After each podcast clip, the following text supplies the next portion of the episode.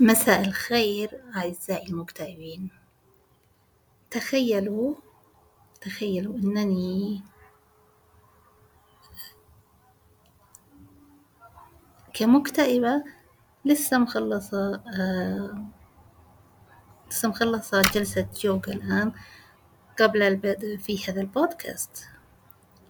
آه وما ساعدش هذا اليوغا في أنني أغير هذا القرار. بضمكم أو بالانضمام إليكم في بودكاست خاص فينا إحنا المكتئبين خاص بينا تماما. آه، ملوش علاقة بمساعدة ذاتية أو بال يسموه إيش؟ life coaching لا ملوش علاقة بال life coaching ملوش علاقة بتنمية الذات وملوش علاقة بالتعاطف حتى مع المكتئبين. هذا البودكاست كان قرار عشان أنجزه أخذت تقريبا ثلاث إلى أربع سنوات.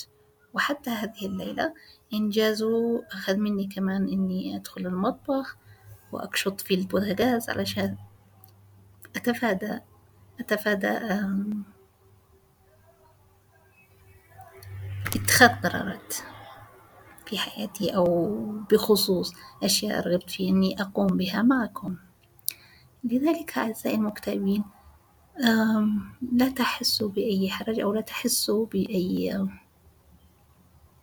بأي مشاعر غريبة عنكم. هذه هذه أشياء أنتوا اعتدتوا عليها. كل ما في الأمر إنه أنا مليت من إنه نتظاهر بأنه في إمكان أحد أو إمكان شيء إنه يساعدنا على تخطي مشاعر الاكتئاب. أنا أتكلم عن المكتئبين المخضرمين. لذلك هذا البودكاست فقط فقط لأولئك المخضرمين من المكتئبين آه، للدرجات الأرقى منه وفقط للمشاركة مش للمشاركة حتى. إنها للتعبير عن هذا الاكتئاب بدلا عن التفكير فيه.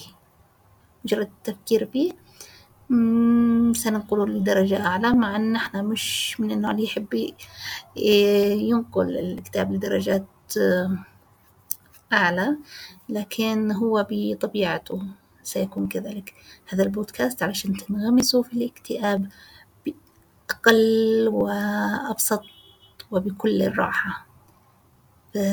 ينضموا أو لا تنضموا هذا لن يشكل فرقا.